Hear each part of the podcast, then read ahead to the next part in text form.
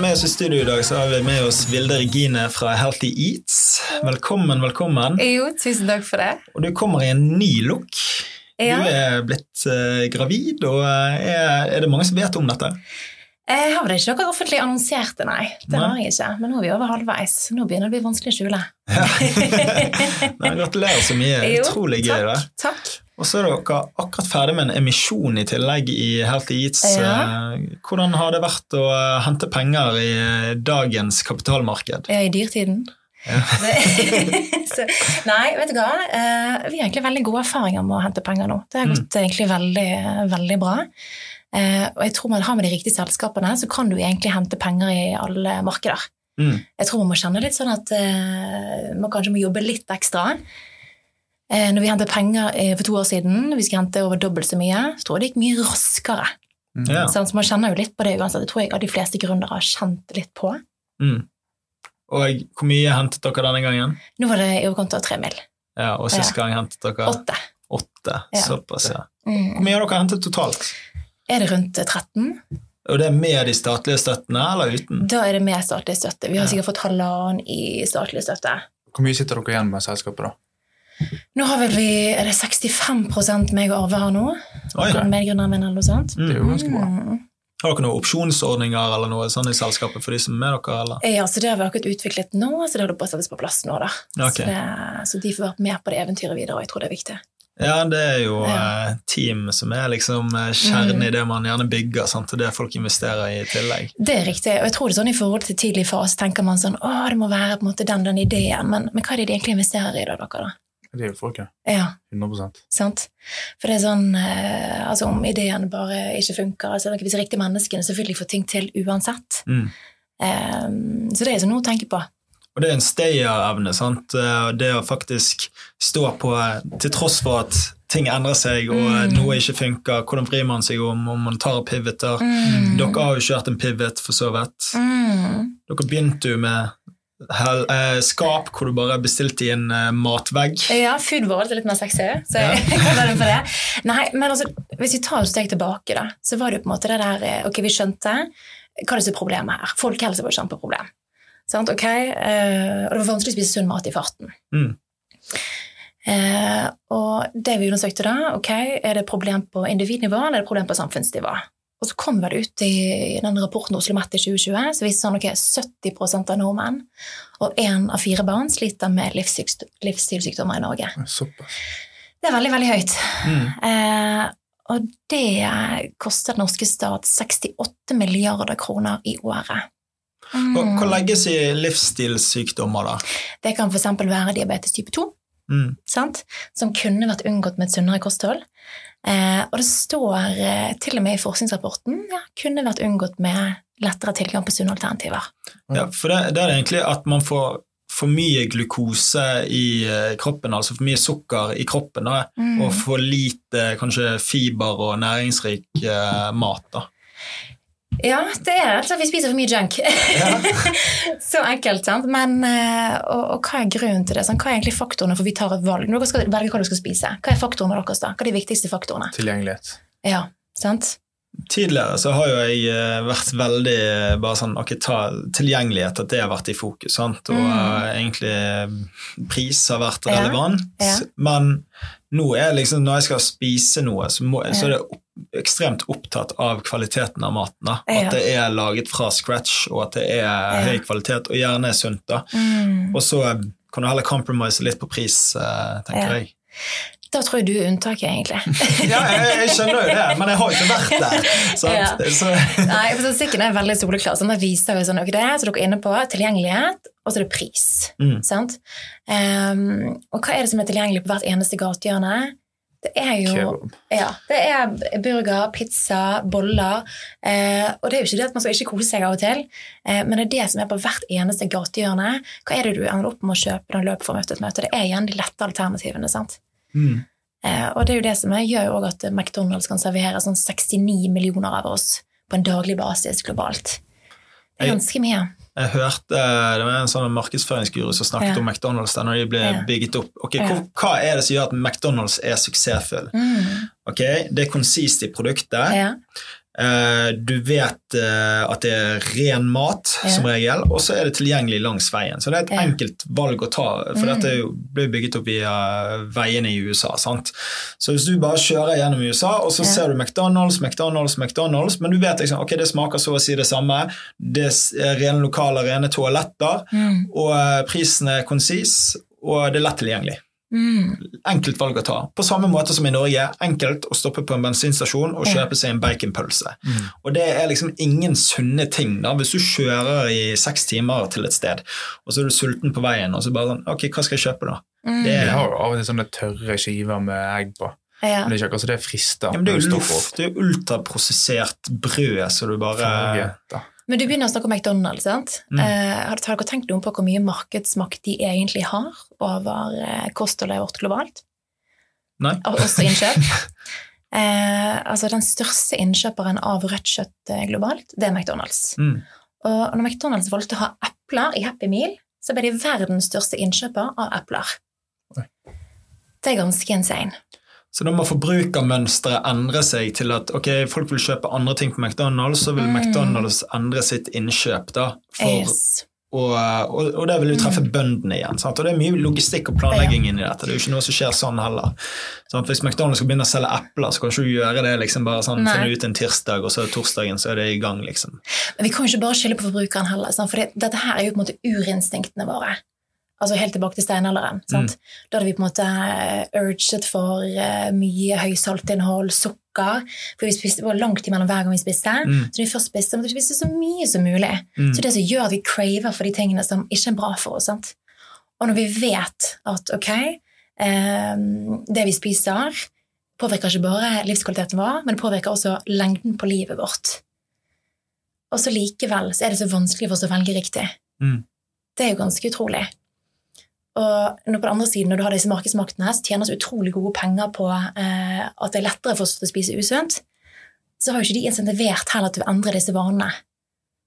Men når du sier at vi lever lengre ved å eh, Mm. spise et annet type kosthold Mm. enn eh, et hvor vi får masse glukosespike, altså vi Ja. får altfor høyt Det er blodsukker mer forskning, da. sant? Hva er det én av fire dødsfall eh, globalt er linket til diett? mm. Det er veldig, veldig veldig høyt. Helvete. Ja, én av fire dødsfall. Så det er, det er vel altfor høyt. Sant? Og, det, og det er jo på en måte si et kunnskapshull. Vi vet jo veldig godt, men så likevel er det så vanskelig for oss å, å gjøre de endringene. Eh, og da trenger vi sånne aktører som oss i Heltis eller andre aktører kom på banen er faktisk med å nudge folk i riktig retning. For det burde ikke være så vanskelig å, å velge riktig.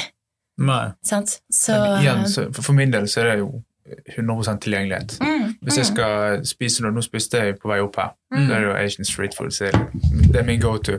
mm, Men hvis du går innom, går innom Kiwi, går innom Mm. Meny, Rema 1000 Meny har av og til noe godt i, i varmtisken som ikke er liksom Mm. kjeks eller bolle. Yeah. Men skal du gå på en Kiwi eller noe sånt, yeah. og du ikke skal lage maten sjøl, du skal bare kjøpe den på veien yeah. Det er lite fersk, god, sunn mat tilgjengelig. Om ikke ingenting. Kanskje du kan ta litt eple, men hva gir det deg eh, veldig med et eple til lunsj? Veldig Liksom? lite. Og jeg tror spesielt mange kjente når, eh, når covid var, og alle hadde norgesferie, eh, og vi var på roadtrip hele, hele gjengen, og så kjørte du langs landevei, sant? er det bare dritt langs veien. Da. Så er det noen aktører som prøver å ta inn ting, men det må jo også være en betalingsvillighet der Mm, også. mm. Så det, det er en balansegang også for hvordan vi, vi kommer dit. Mm. Eh, Det, det, jeg syns det er veldig vanskelig å gå på butikken og Ja. skulle liksom Ok, ja, jeg får en liten craving, sant? men hva Ja. er det jeg faktisk kan kjøpe på butikken som ikke er Mm. ultraprosessert? Selv om noe står at det er veldig sunt, liksom. sant? Og jeg Mm. har lyst til å kjøpe Yt, og der står det sammen med Olympiatoppen Ja. 22% protein i en jævla shake. Og en usmakelig treskje. ja, men Ja. så er det sånn Ok, hvor mye t- sukker er tilsatt denne her, og eh, Mm. hvor liksom, Er dette sunt på noen som helst måte, egentlig? sant? Mm. Selv, nå har jeg hørt på en del podcaster om dette, her, og Ja. da sier man sånn ok, Hvis det står at det er mye protein eller lite gram, eller noe sånne ting, så skal du holde deg langt unna. Ja.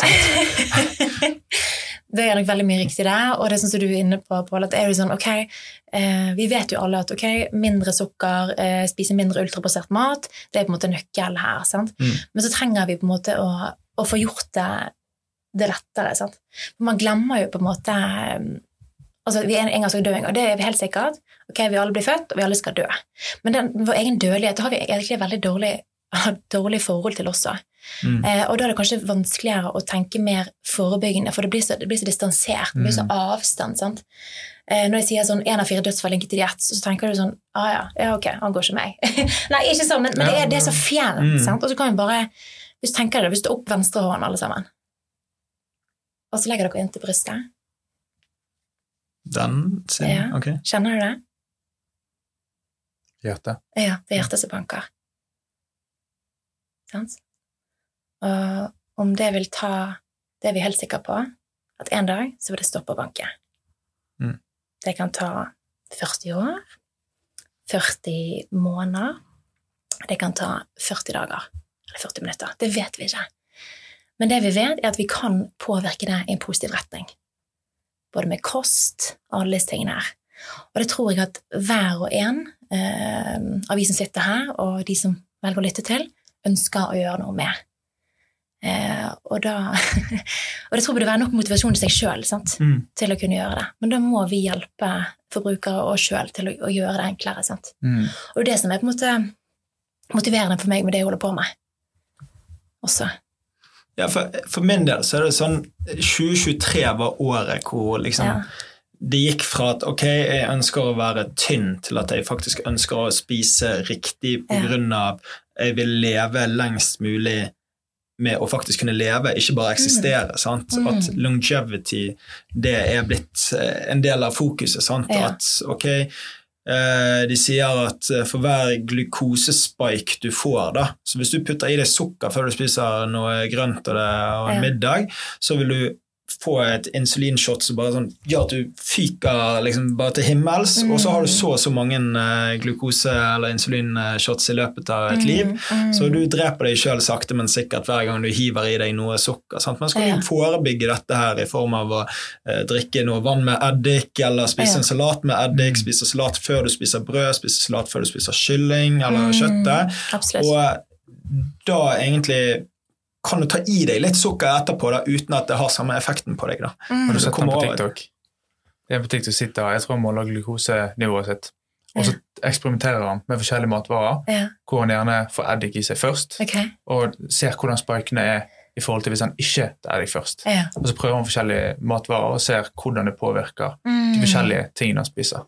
Mm. Og det er en kjempestor forskjell, og han sier og han kjenner liksom stor forskjell. Men er ikke det til og med bare sånn uh, rekkefølge du spiser gitte råvarer i, og Ja, er hvordan det sånn. har noe å si hvordan du opptar maten? Ja. Altså Det er jo sånn sinnssykt mye, sant? Så hvis du spiser salaten først, da, så legger du på en måte et lag innvendig da, som Ja. beskytter mot uh, det andre og uh, effekten det skal ha nede i magen din ellers. Ja, da. Og ja. da jeg var i Kina i mars, Ja. så fikk vi liksom ja, da fikk vi eddik til eh, liksom bare før vi begynte å spise. Jeg bare, Mm. Og eddik med vann. Sånn. Mm. Så det, det, var, det var jævlig spesielt, tenkte jeg da. Men så i ettertid så har jeg hørt på eh, flere som snakker, og er mye mer eh, eksperter på dette temaet enn meg, for å si det sånn, men hvor de nevner at dette er veldig forebyggende for akkurat det. Og derfor har det sikkert blitt en trend i Kina, for jeg har aldri hatt det når jeg har vært i Kina tidligere. Ja. Men De har litt andre proteinkilder i Kina også, da. ja. Du drar dit, så spiser man biller og slanger og edderkopper. jeg har ikke spist mange av du eh, billene og slangene, edderkoppene. Har du gjort det? Jeg har også det. Ja. Hvor i Kina har du vært, da? Uh, Beijing, Shanghai, Hongkong uh, Men i hvert fall, der kan du, hvis du smaker sånn edderkopp, smaker Mm. det egentlig litt som, som hårete bacon. Uh, og slange, det smaker egentlig kylling. Mm. Ok, Så det. Hvis noen har lyst til å teste. Nærmest jeg kommer når jeg er i Kina og spiser noe spesielt, det er at alt har hode på seg. Sant? Så når du får eh, Mm. anden, så får du hode på anden. Når du får fisken, så får du hode på fisken. Sant? ja. Så eh, det er litt sånn eh, Men der er det helt normalt. Så, Mm. ja, sant? Og de spiser jo tusenbein og alt sammen. Det er jo Mm. mye av det eller fritert, sant? så det mister jo litt av den essensen på smaken. Men det er jo ting som kan ha litt rar konsistens. sant? Ja, Men jeg tror vi- Fuglunger og de, de, spiser, de klekker jo egg med fullunger og spiser ja. Ja, døde. Det er Men helt sprøtt. I, I Norge så er vi veldig flinke til at foreldre smører matpakke til Ja. barna. Sant? Ja.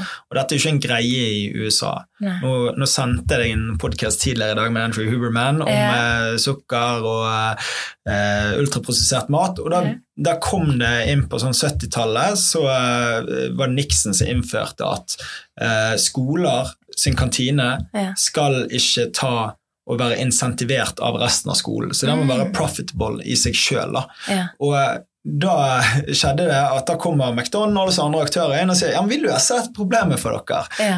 Og så tar vi og fjerner det prep-kjøkkenet deres og alt, og så bare gjør vi det om til flere klasserom. Mm. Så Da har de egentlig bare gjort at det er umulig å komme tilbake igjen til å faktisk skulle eh, lage mat, fersk, varm mat på skolen. Ja. Og så har de bare kommet inn med ja, pizza og fries og alle ting. Så når jeg gikk på high school i USA, da, andre året på videregående, så hver, hver morgen sånn klokken syv om morgenen så var det pizza der så jeg kunne gå og spise. Mm. Når du er 16-17 år og du får tilgang på pizza og curly fries og brownie eh, i hvert eneste Om det er frokost før Hvorfor i helvete serverer de frokost før skolen begynner?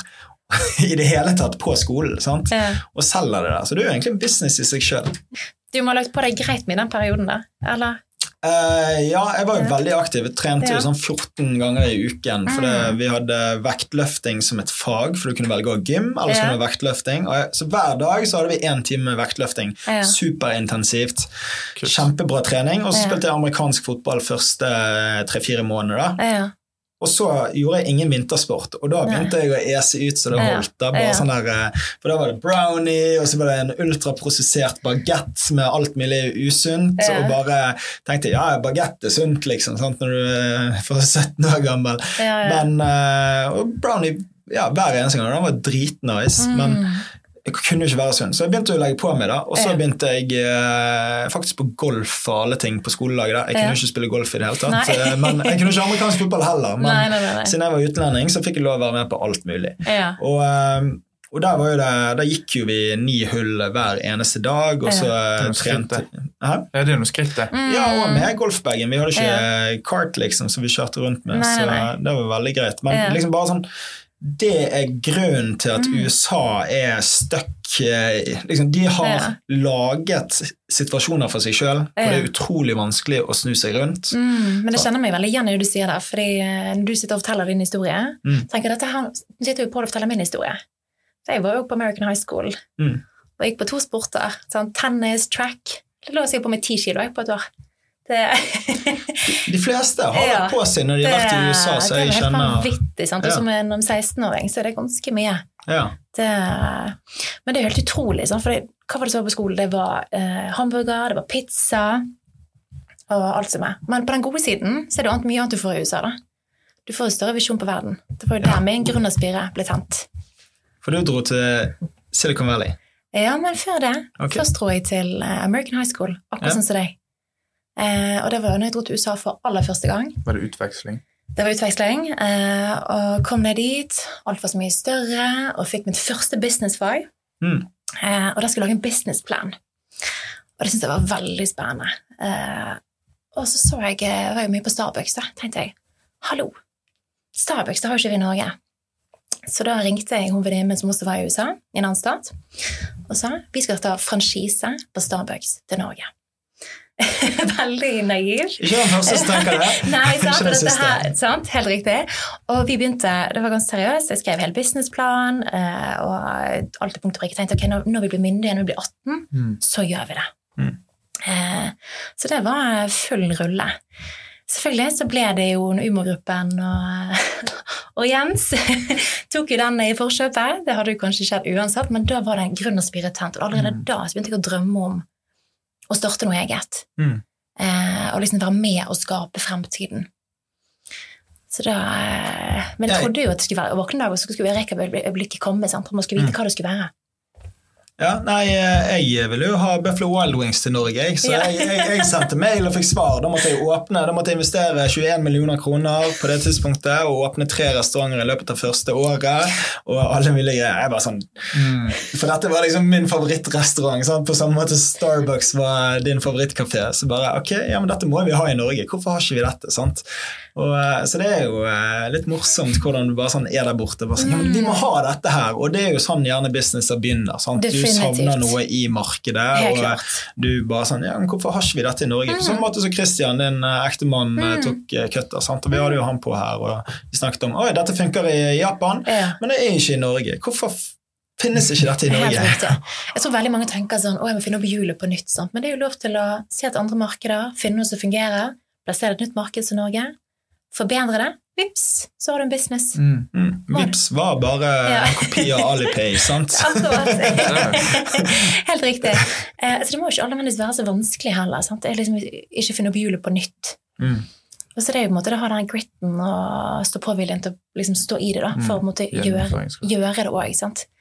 Og så lett å tenke. Sant? Ok, vi, du går på American High School, jeg går på American High School for begge en drøm, vi skal starte noe. Så tar det nesten ti år før det skjer for min del. Da. Så hvorfor tar det så lang tid? Men vi er veldig impulsive begge to, vil jeg si. da. Ja. Sant? Hvordan kom det til deg at du skulle dra på American High School? Jeg hadde egentlig fått eh, nei av mine foreldre, da. Eh, For det, det kan du ikke. Men jeg meldte meg på informasjonsmøte mm. og dro likevel. Så kom jeg hjem så sa jeg at nå har jeg meldt meg på. Eh, Jeg skal til USA neste år. Hvilken organisasjon dro du med? Åh, det var vel eksplorøst, mener jeg, på den gang da. Eh, et så lang historie kort, så, eh, så ut, uh, utdro jeg. Eh, og da ble jeg veldig nysgjerrig på verden, sant? og på en måte, eh, ja, liksom fikk litt blod på tann.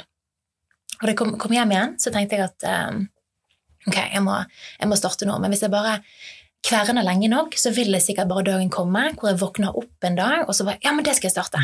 Mm. Eh, og så går årene, da. Og det eneste som skjer, er jo bare at jeg blir eldre. Men det kommer jo ikke noe konkrete ting som skjer. Sant? For jeg tror, trodde kanskje at men verden skal bare komme til meg. Mm. Men etter hvert så innser jeg at verden kommer jo aldri til deg. Du må ut og oppsøke verden. Det er du som må banke på de dørene. Det er du som må skape det eureka-øyeblikket. Eller omgi det med mennesker som har gjort lignende ting sjøl, for at man faktisk skal starte noe. Og så begynte jeg å tenke ok, hvis jeg virkelig vil starte selskap, um, hvor er det de er flinkest i verden på å etablere ting? Tenker jeg sånn, ok, Det er jo ett distrikt i verden som er med å forme fremtiden i aller høyeste grad. Silicon Valley, sant? Og hva i alle dager har de forstått der nede, så resten av verden ikke skjønner noen ting av? Mm. Det var derfor jeg dro ned igjen. Sant? Tenkte, jeg, ok, Da får jeg dra ned igjen til Silicon Valley, jeg får jobbe gratis i gründerskolen i en tech-startup, eh, og så får jeg se hva som foregår der nede. Eh, og få et innblikk og være med og på en måte skape dette øyeblikket. Hvordan gikk du frem da? Da gikk jeg via gründerskolen, som man også kan gå på nå, eh, og jeg søkte meg inn der, for da kunne man gå på sånn eh, skole via Berkeley. Er via Innovasjon Norge, det, eller? Nei, det er faktisk via UiO Ok. Oslo. Eh, Og så kan du også gjøre det via NHH. Og så, ja, så blir man matchet med ulike selskaper, og så går du og blir intervjuet der. Så endte jeg opp i et sånn cybersecurity-selskap. Så vi drev med etisk hacking. Kult. Så det var veldig spennende. Da var jeg, jeg satt der i, midt i Silicon finansdistriktet, i 80. etasje, hvor det var liksom en eh, robot, som var kaffen, det var liksom meditasjon og wine-tasting i lunsjen.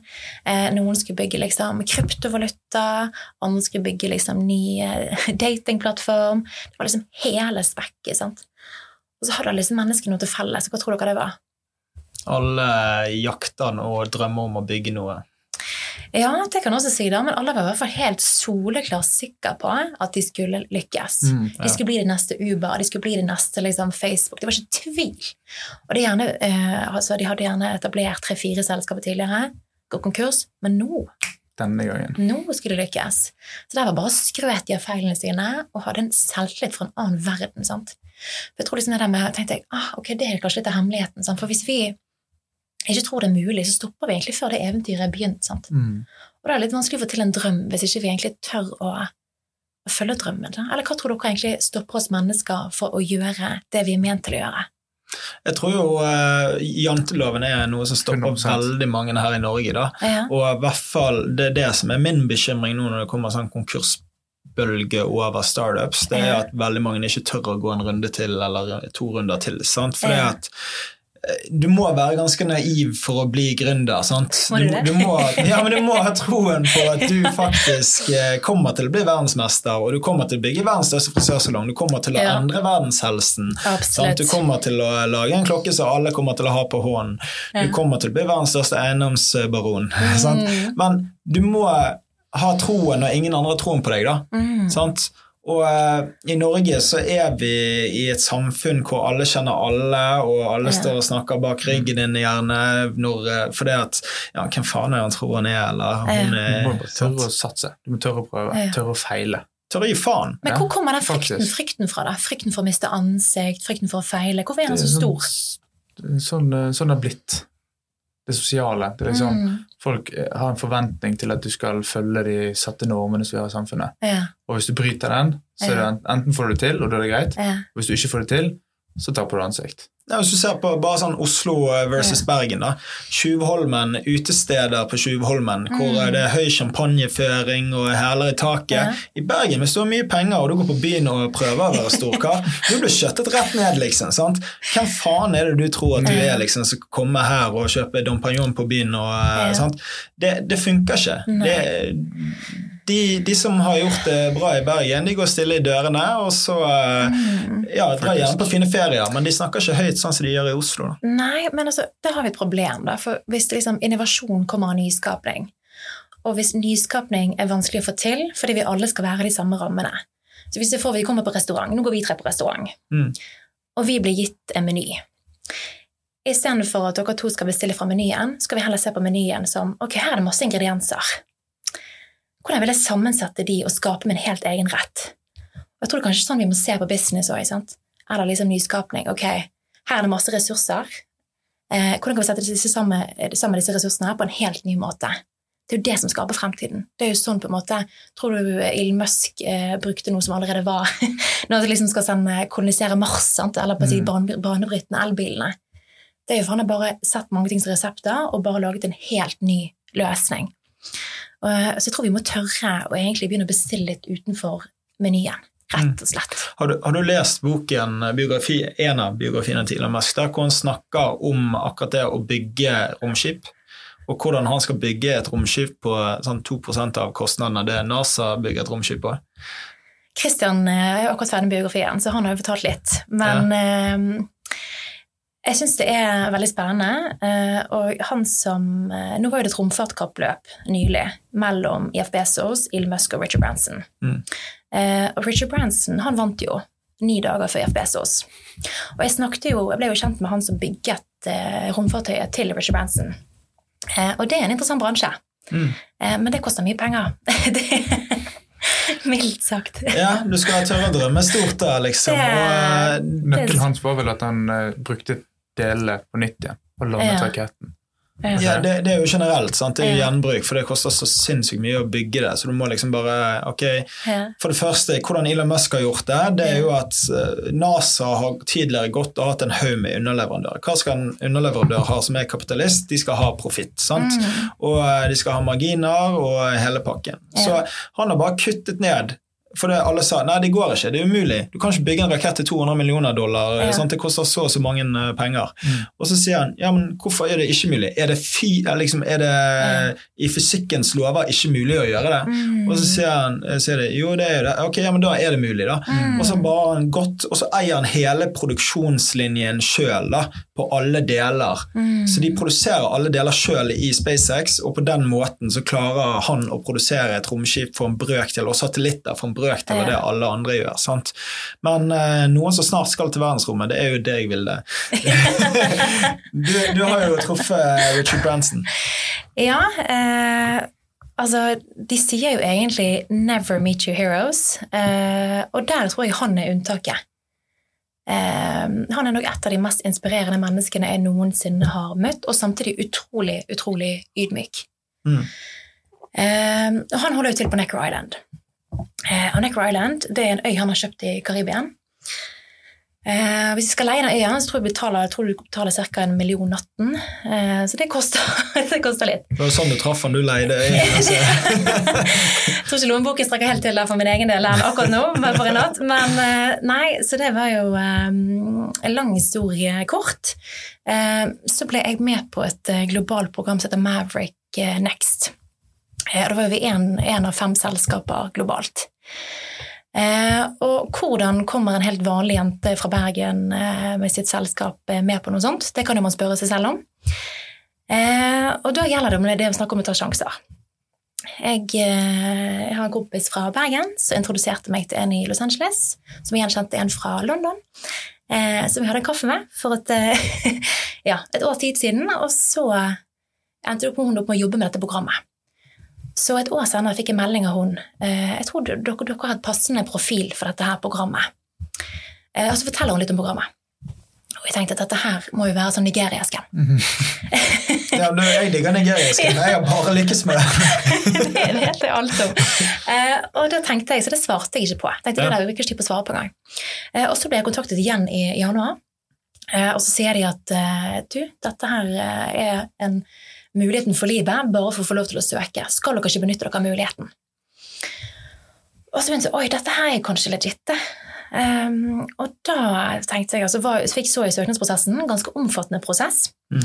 Og da tenkte jeg at eh, nei, oi, ja, ok. Ja, ja. Det er gøy å kunne si at vi har søkt. Mm.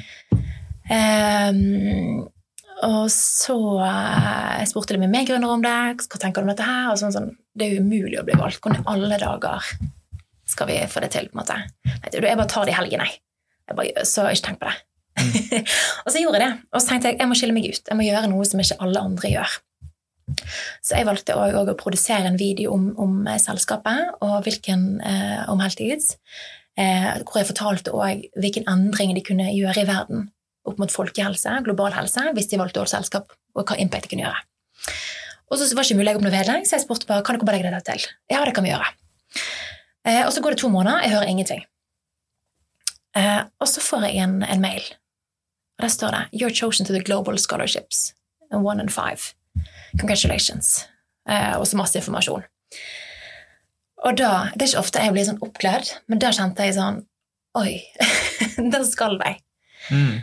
Um, og eh, ja, mine, altså, mine brødre trodde jo at det var en Jeffrey Epstein-skam. så, så de prøvde å fraråde meg for å reise. Eh, eh, og jeg trodde jo først sånn, er dette for godt til å være sant? For liksom, det var all expenses paid. Eh, det eneste jeg skulle betale for, var flybillett. Ellers var alt betalt. Ja, du skulle ikke til Dubai her, liksom. Nei, så en skulle- av de som bare skal treffe en prins der nede. Og... Mm, skulle til en privat øy i Karibia. Eh, mye om og men. Og hadde i forkant så hadde jeg noen eh, intervju med NRK og TV 2. og ting. Jeg tenker, Hva hvis dette her er scam? Og det faktisk er noe annet, og så kommer jeg der, og så blir, blir min siste goodbye. Sånn. Så jeg var godt nervøs der nede. Men i hvert fall, eh, når vi kommer dit, så eh, for deg komme inn til en eh, øy. Det er liksom krystallklart vann, hvite strender. Jeg blir møtt av liksom papegøyer som kan snakke, flamingoer, lima blir hentet i en buggy, kjørt til en scene på stranden. Eh, der skal jeg pitche foran disse her eh, globale mentorene. Eh, og så skal vi ha en skattejakt rundt på øyen. Hvor vi også skal ut i en båt, bli kastet ut i havet. Flere kunne ikke svømme, så de fikk på seg redningsvest. Da måtte vi svømme i land til en øy. Eh, og Der skal vi finne noen flåter og så ta oss til en ny øy, hvor vi skal bygge tårn av mennesker og investorer. Eh, har vi et kamerateam som følger oss, så skal vi plante et tre der borte. Altså Det var rett og slett et teambuilding på speed. Robinson-ekspedisjon. Ja, mildt sagt. Jeg tenkte, hva i alle dager er det jeg har blitt med på? Og alt var hemmelighetsfullt, for de ville utfordre oss. Så de ville ikke si når vi skulle pitche, de ville ikke si når de skulle ha utfordring, for det, det skulle vi bare håndtere. Mm. Eh, og nå i etterkant tenkte jeg sånn, ok, hvorfor var det så ekstremt mye ting vi, vi gjorde? Da skjønte jeg sånn at ok, men de prøver faktisk å bygge bånd her mellom investorene, mellom mentorene. Eh, sånn at, for vi, skal jo, vi jobber jo sammen fortsatt, vi jobbet sammen et år etterpå, eh, digitalt. Men da ville vi skal ha en relasjon i bunn og bygge en tillit, så vi lettere skulle få ting til i fellesskap. Mm. Så da var ikke det så lett å se hvem som var investor, eller hvem som var mangemillionær, eller hvem som var en og andre. Der var det tårn av mennesker, og det var eventyrfester, og det var ja, Første gang jeg møtte Richard Branson, så hadde han på seg en sånn eh, kostyme av eh, Peter Pan. Ok, Så det, så det, så det var litt sånn der uh, Epstein Nei, men det var utrolig, utrolig lærerikt, og, um, og han er det mann du kan lære veldig veldig mye av. sant? Eh, og han spurte, han spurte meg om, det var liksom det med kulturen i selskapet. Folk er stolt av å jobbe seg. Sant? For en sånn, det er på en måte great people, eller build great things. sant?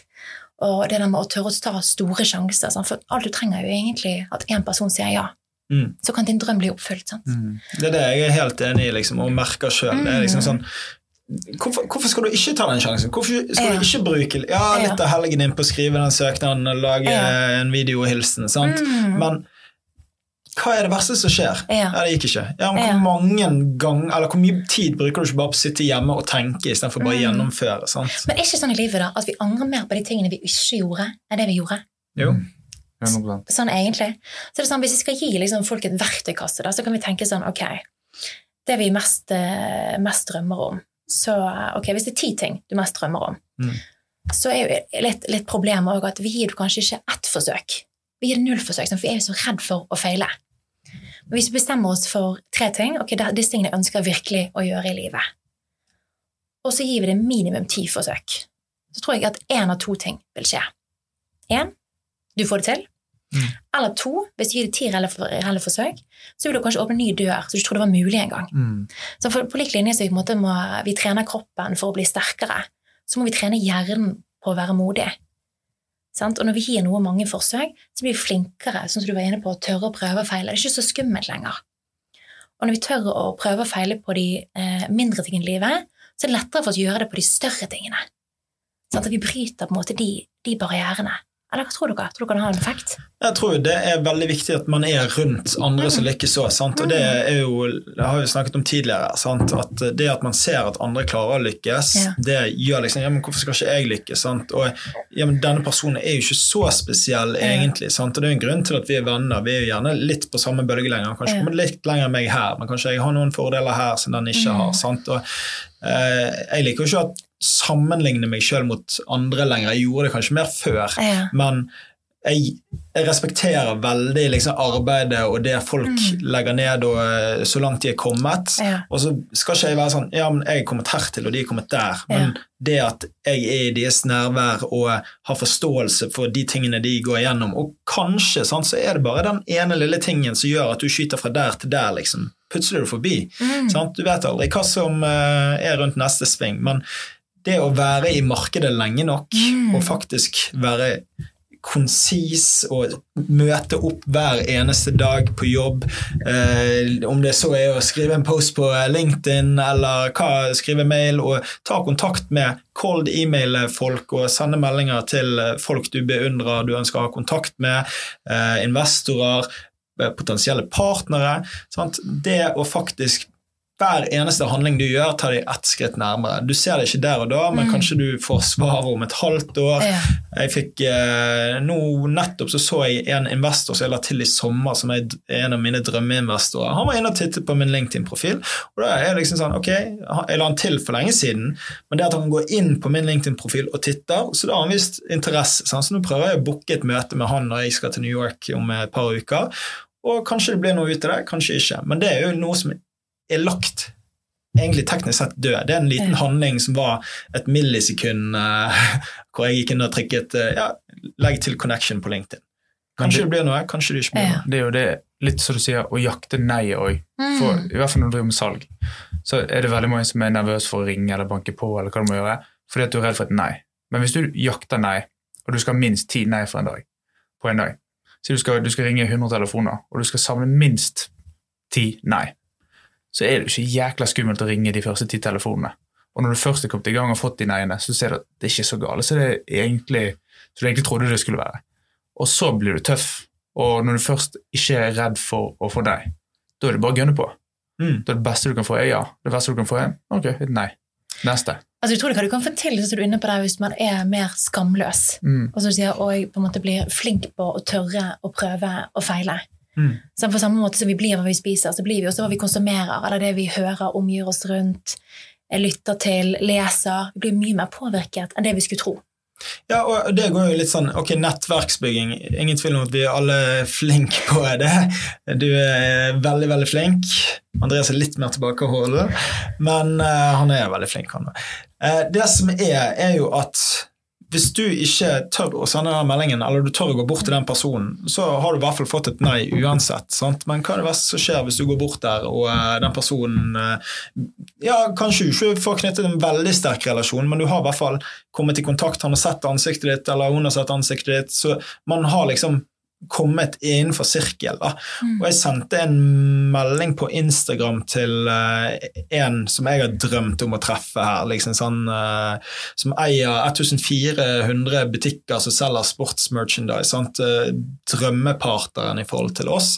Greit, jeg fikk ikke den uh, podkast-intervjuet som jeg ønsket å få til med han. For det er liksom sånn, Hvilken inngang kan jeg ha til denne personen som gjør at ok, jeg skal ikke selge deg med en gang, sant? men ok, du uh, har bygget opp noe veldig stort, veldig interessant, det hadde vært utrolig kult for vårt publikum å kunne høre. Og så sier jeg jeg flyr til New York, og så kan jeg leie en bil og kjøre i fire timer til deg for å sitte ned i en time og intervjue deg, og så kjøre tilbake til New York. Sant? Da har jeg vist at jeg ville til å gjøre ganske mye for å få det ene lille øyeblikket. Sant? Men det ble et nei foreløpig, Ja. og så tenker jeg men relasjonen er jo startet. Det er helt Sant? riktig. Det er helt Så riktig. den personen vet nå i hvert fall hvem jeg er. Og så Hvis jeg fortsetter å engasjere meg og være interessert i den personen, så kanskje jeg får mulighet en annen dag til å sitte på et Zoom-møte med han. sant? Mm. Og da liksom, Hva er det verste som skjer? Det er jo at du ikke prøver. Mm. Og den frykten, Vi skaper jo kanskje et sånt eh. Hvor kommer frykten fra? Sant? Den kommer jo gjerne fra historien vi forteller oss selv. Sant? 'Dette får du ikke til. Du er ikke god nok. Hvorfor skal du gjøre dette her?' Eh, 'Skjerp deg.' Altså, alle disse tingene her. Og hvis vi forteller oss det lenge nok, så blir det vår sannhet. Og det gjør jo det litt vanskelig. Sant? Å bryte ut av det som- du ja, det er helt riktig. det er helt riktig. Eh, og det er utrolig hvor strenge vi egentlig kan være med oss selv. Hvis vi klarer å snu det og liksom, istedenfor å lytte til Du har kanskje to indre stemmer. Du har kanskje en indre stemme som kan være litt lys og positiv, og så kanskje en indre stemme som er litt mørkere. Mm. Som på, du må kanskje ha på dårlige dager. Og Jeg tror alle av oss så, eh, har begge deler. Men så er det hvilken er det du velger å lytte til. Hvis du begynner å lytte til den, den lyse stemmen, og, så er, og gjør det over lengre tid, så blir du tryggere og tryggere på det. Og da vokser den seg større, og da blir det andre mindre og mindre. Og det tror jeg man får til med også. Og jeg tror at man, man trenger noen som har troen på deg, da. Noen som Mm. gir deg det pushet. sant? Mm. Det er mange, Jeg har sagt til dem kan ikke gjøre dette, og så gjør du det. Og så har de startet, og det er businessen deres i dag. sant? Ja. For det at, ja, jeg har vist jeg har troen på at de kan gjøre det sjøl. At de ikke trenger å fortsette å være i et stort selskap, eller hva det måtte være, men at de faktisk kan lykkes på egen hånd. Og så tør de å hoppe inn. Og det er ikke så farlig å hoppe inn og prøve, liksom. sant? I, verste, I verste fall så kan du gå tilbake igjen til det du drev med tidligere. sant? Og jeg satt der med en jente som uh, hun har drømt om å ha sommerjobb som politisk rådgiver for eh, Bergen kommune. Og så sier hun hva, hvordan skal du få tak i de da? Ja. Jeg har ikke noen plan. Så han bare, ja, men Kanskje du bare ringe de eller sende Ja. en melding på LinkedIn. Så, ja, Ja. men, eh, og, og så var det masse unnskyldninger. da, Og så sier jeg Mm. ok, gå inn på LinkedIn din nå. Og så går du, gir du meg telefonen, så gikk jeg inn på Bergen kommune, så gikk jeg inn på ansatte, og så søkte jeg oppe der, politisk rådgiver, så gikk jeg gjennom alle, og så la jeg til hele gjengen, og så nå hadde hun connectet med masse av dem, så nå er hun supermotivert. Fantastisk. Ja. Så bare sånn, Av og til så trenger du bare gjøre den lille handlingen, eller at noen har troen på deg til at du faktisk tør å hoppe ut i det der, og at ta neste stegene sjøl. Mm. Men du, det, dette som gjør at selvtillit er en superkraft, sant? Mm. Det høres helt rart ut, sant? men hvis ikke du har troen på deg sjøl at det er mulig å få til, så er det vanskelig for andre å ha troen på deg også. Ja, så er det er sånn, ok, Hvordan bygger man selvtillit? sant? For det er jo noe man kan bygge. Jeg syntes alltid det var kjempeskummelt før om det var pitche, eller om det var å stå på en stor scene. og Nå elsker jeg sånne ting. sant?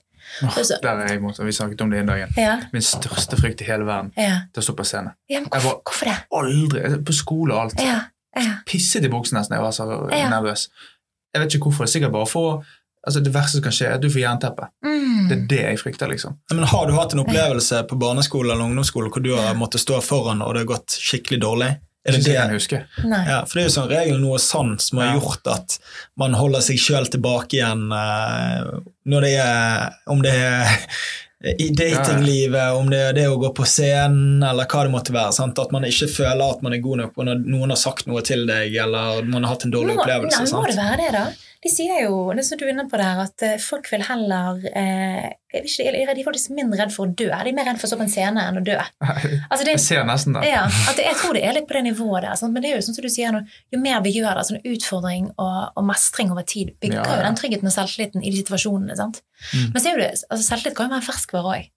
Gjør vi lenge siden vi har gjort det sist, så kan det plutselig være litt sånn Oi, nå var det skummelt igjen, eller Men det er jo sånn, før, altså Jeg har jo vært på scene, Ja. eh, ikke sånn, sånn som dere holder på med foredrag.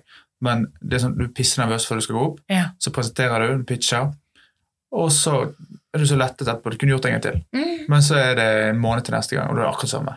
ja, Du vet det kommer til å gå bra, men du er pisseredd. Puls og vondt i magen. Så, så jeg må egentlig bare gjøre det mer.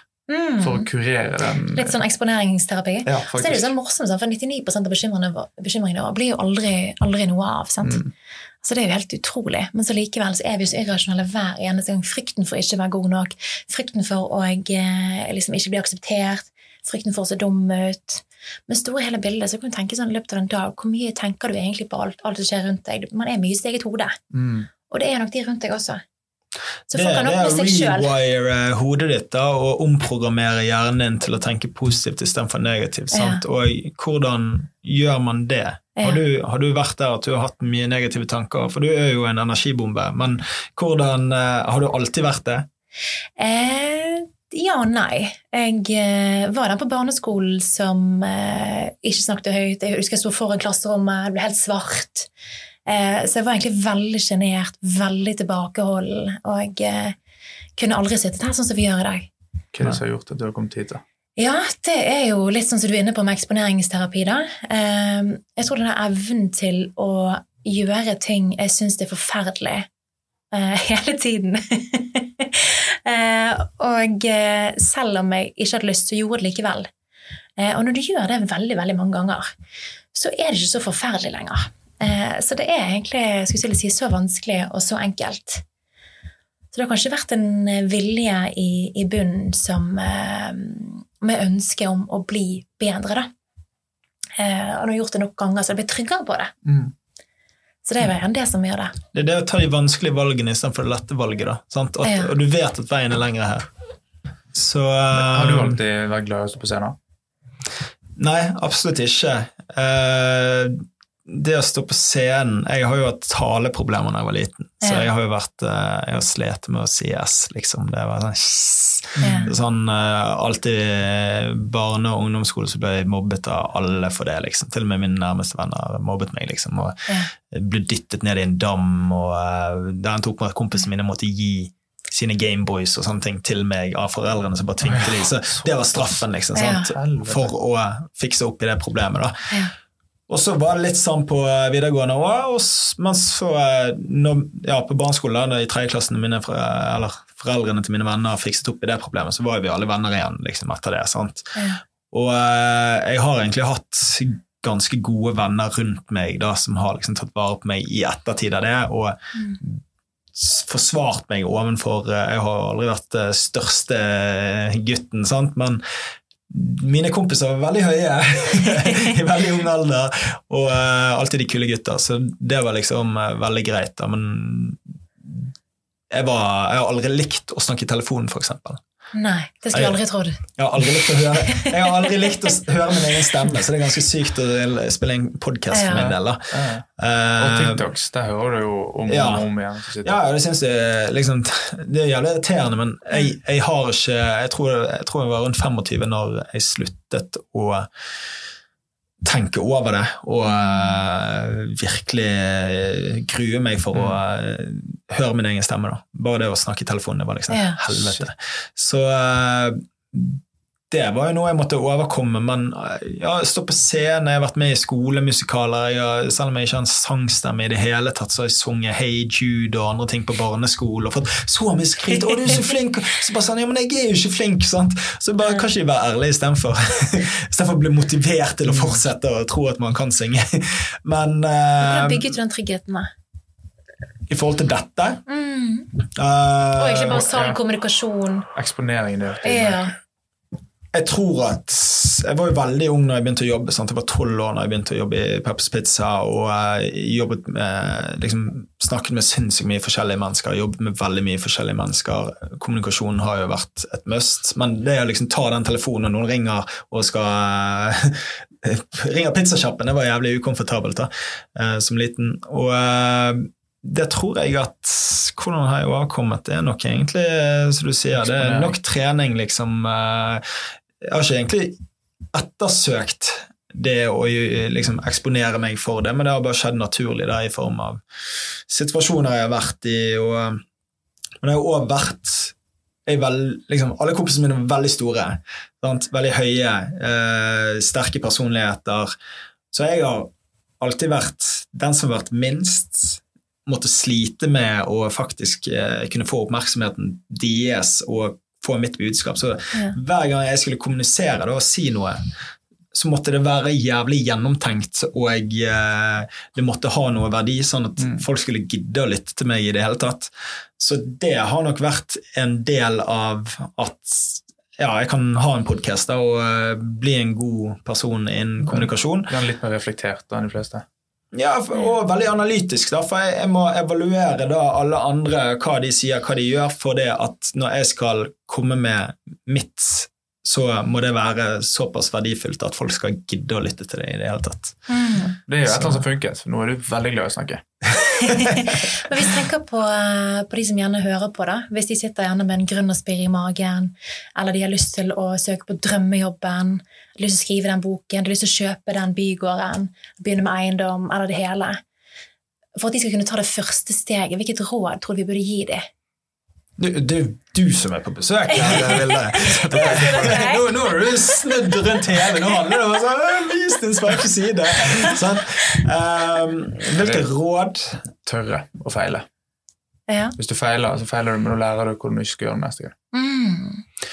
Ja, liksom, Som regel lykkes jo man ikke på første forsøk. sant? Og eh, et problem veldig mange har, er jo at de starter opp noe med sin beste venn, sant? og så kan det gå litt uh, skeisen. Men det er jo å ikke tenke at den første tingen man gjør, det er kanskje ikke den største businessideen, men det er faktisk det å lære av å gjøre eh, den tingen. Så kanskje, kanskje den blir gigantisk, kanskje den blir helt ok, kanskje du feiler, men du lærer i hvert fall utrolig mye av det, da. Mm. Hva mener du? Ja, jeg tror egentlig jeg vil fortelle en liten historie jeg, eh, i forhold til det med å gå på og, og feile.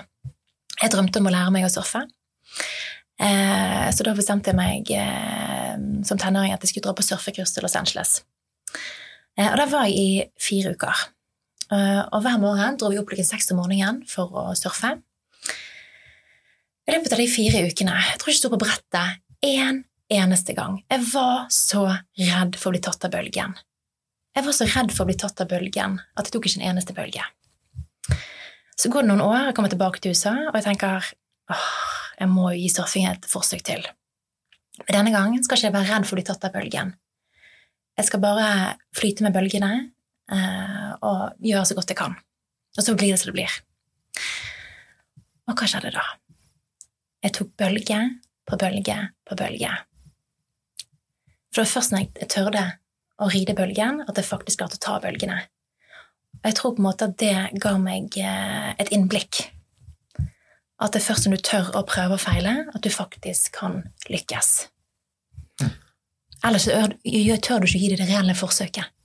Mm. Da visualiserte du kanskje at du kom til å klare å stå på det brettet der og eh, bare sånn Ok, dette klarer jeg, sant? Jeg ser allerede meg sjøl stå på det, så det Ja, så jeg var ikke så redd. Hva er det verste kan skje da? Ok, At jeg dunker meg i en stein, eller at liksom jeg kommer under vannet. altså Da kommer vi opp av vannet igjen og tar med meg surfebrettet. Det går bra. altså mm. Jeg var ikke redd for worst case scenario. Jeg tenkte at ok, men det, det får gå som det går. Da får jeg bare prøve igjen. Og da, da gir man ting reelle for seg. Og det tror jeg gjelder veldig mange ting i livet. At vi, vi må tørre å tenke at ok, hva er det verste som kan skje? Mm. Ok, Hvis det selskap, selskapet ditt går konkurs, hva er det verste som kan skje? Ok, Du må gå på Nav noen måneder før du kommer deg opp på hesten igjen. Eller eh, hvis du står foran en, på en scene Andreas, skal ha et foredrag, ok, du får jerneteppe. Og så blir det en god historie på, på fest senere. Eh, og husker dere når jeg fikk jerneteppe? Eller hvis du eh, eh, ønsker å publisere boken, og så er det ingen som leser boken. Oi, nå fikk du en eh, kjempelærerik eh, prosess om hvordan du ikke skal skrive bok. Sånn, altså, det er alltid en lærdom i det, sant? Eh, og da vet du hva du skal gjøre bedre neste gang. Det er sånn som det er med content, og det har vi snakket litt om, da, at hvis ingen leser det, så er det ingen som vet at det har gått dårlig heller. Nei, sant? Sant? Så det spiller ingen rolle. Da er det ingen som vet at du har feilet. på en måte, sant? Så hvis ingen ser videoen til Andreas, eh, eller den får 2000 views istedenfor 100 000 views, så er det sånn ja, I hans øyne tenker jeg åh, det var helt jævlig. Tenk, ok, nå feiler jeg helt, liksom. Sant? Men Mm. egentlig så er det sånn ja, ok, men lag en til video, da. Kanskje den eh, klikker mm. neste gang. Men uansett så er det bare 2000 som har sett den videoen. Kanskje det var verdifull for noen i de 2000, kanskje ikke. Og kanskje veldig mange finner den videoen i ettertid og finner mye verdi i den. Sant? Ikke alle som trenger å ta helt av fra dag én heller, da. Ja, og så tror jeg det er sånn være bevisst på at man er god nok som man er. Altså veldig ofte, Nå kan jeg bare snakke for oss kvinner. sant? Eller ikke for alle under en kom, det vel jeg tenker nei, jeg er ikke god nok, jeg er ikke flink nok på dette, jeg er ikke sånn og sånn og sånn. Og veldig mye fokus på de tingene der. Men vi burde jo egentlig hatt på Times Square store billboards med og bare står du er god nok akkurat som du er. For, for det er vi. Eh, og begynne å lytte til den, den gode stemmen og det positive og snakke godt til oss sjøl. For det, det, har mye å si. Sant? For den historien forteller sjøl, det blir vår sannhet. Så det er sånn, hvilken sannhet skal dere skape, da? Har dere tenkt på det? Hvilken historie er det du forteller deg sjøl? Ja, godt spørsmål. jeg føler du bør starte din egen podkast. Nei da. Eh, jeg, jeg, jeg, føler faktisk Jeg tenkte på det jeg tror det var senest i går, at de siste to årene så har jeg endret mitt eget self-talk ganske mye. Og, og, det tror jeg handler mye om at jeg har sluttet å drikke alkohol, ja. at jeg har endret kostholdet mitt. Jeg ser disiplin i tingene jeg gjør. Jeg bekrefter egentlig daglig overfor meg sjøl at jeg gjør riktige skritt. Da. Og det gjør at jeg kan bekrefte overfor meg sjøl at jeg gjør gode valg istedenfor å ta dårlige valg. Som gjør at du kan velge en spiral. da, Enten så går den oppover, eller så går den nedover. Fordi du tar det valget, gjør at du tar det valget. Og så det neste valget det er basert på de to andre valgene du har tatt før det. da. Men det som er interessant med det, er jo at veldig mange ønsker jo å gjøre så store livsendrede valg som du har valgt å gjøre. Og, og hva er grunnen til at du har lykkes med det denne gang, det er jo kjempeinteressant. Ja, Nei, det, jeg tror det er at pain har blitt såpass stor at ja. man velger at ok, nå er det kritisk å ta denne beslutningen og mm. gjøre det. sant? Uh, jeg så meg selv på vektskål og bare sånn Ok, 102,3 kilo. Det var sånn, jeg skulle aldri over 100 kilo i mitt liv. liksom, sant? Og da, da, er det en wake-up call. så bare sånn, ok, Hva kan du faktisk gjøre her? sant? Mm. Uh, ja, alkohol. Uh, slitt, slitt, mye med blackout. Jeg har ikke trengt å drikke veldig mye for at det, det skjer. Vel mm. Påvirker min mentale helse ekstremt mye. Kan ligge i sengen i to-tre timer og bare mobilrister ved siden av og ikke tørre å gjøre noe. Mm. Og så bare ja, greit, er dette verdt det i det hele tatt? Ok, de, andre, de positive sidene er langt større enn den negative siden av å slutte ja. å drikke alkohol. Altså, noen ville jo gjerne tenkt sånn at åh, ja, nå er jeg allerede 100 kilo, og nå drikker jeg allerede mange ganger i uken. Jeg kommer ikke klare å hente meg inn i uansett, så nå er det bare løpet kjørt. Nå får livet bli som det blir. Men du hadde tenkt sånn ok, nå. Men tenk deg da, akkurat den eh, det har jeg på. Hvis du kjører, eh, du kjører bil på landeveien, og så er det 60-grense, og så ligger du 70 så ser du politiet bak deg. Da har du allerede gjort noe ulovlig. Stopper du, eller gasser du på, mm. og bare blir tatt i 90 eller 100 istedenfor. Da er det bare å gi seg mens leken er god, mm. og så gjøre noe med det. Det er godt sagt. Og med det så må vi faktisk avslutte dagens episode. Tusen takk for at du kom. Det var en eh, utrolig god episode. Men takk for meg, da. Takk for at du kom, Vilde. Og ta gjerne abonner og gi oss en tilbakemelding enten i kommentarfeltet på YouTube eller på Spotify. Tusen takk.